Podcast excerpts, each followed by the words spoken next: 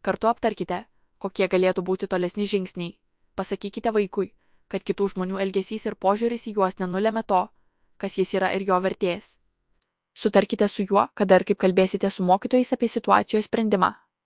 Patvirtinkite vaikui, jog esate pasirengę išklausyti jo nuogastavimus, pasakydami jam, kad visais įmanomais būdais tenksitės užtikrinti jo saugumą ir emocinę gerovę už namų aplinkos ribų.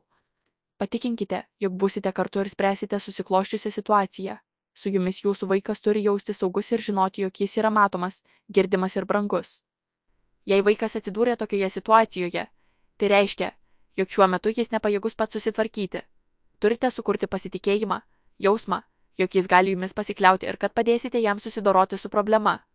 Sprendimai gali būti įvairūs - nuo vaiko išklausimo ar padrasinimo iki aktyvaus vaidmens bendradarbiaujant su specialistais. Geriausias sprendimas jūsų vaikui priklauso nuo pačios problemos kompleksiškumo, jos poveikio vaiko fiziniai ir psichiniai būsenai, mokyklos įsitraukimo ir kitų aplinkybių. Svarbu suteikti vaikui galimybę dalyvauti sprendžiant problemą. Vaiko įsitraukimo lygis priklauso nuo vaiko amžiaus.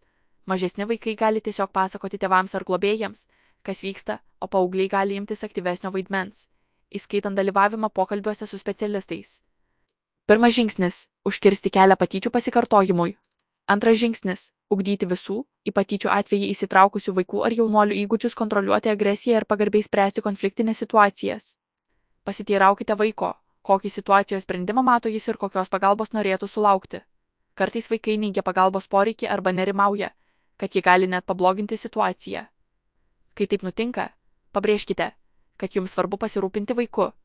Todėl jūsų, kaip tėvų ar globėjų, pareiga yra užkirsti kelią patyčioms tačiau kartu galite nuspręsti, kaip tai padaryti saugiausiu būdu. Visada numatykite ir kuo greičiau suplanuokite konkrečius tolesnius veiksmus. Informuokite vaiką apie viską, ką ketinate daryti ir kas jam gali nutikti. Pavyzdžiui, pasakykite, kad rytoj paskambinsiu tavo mokytojai.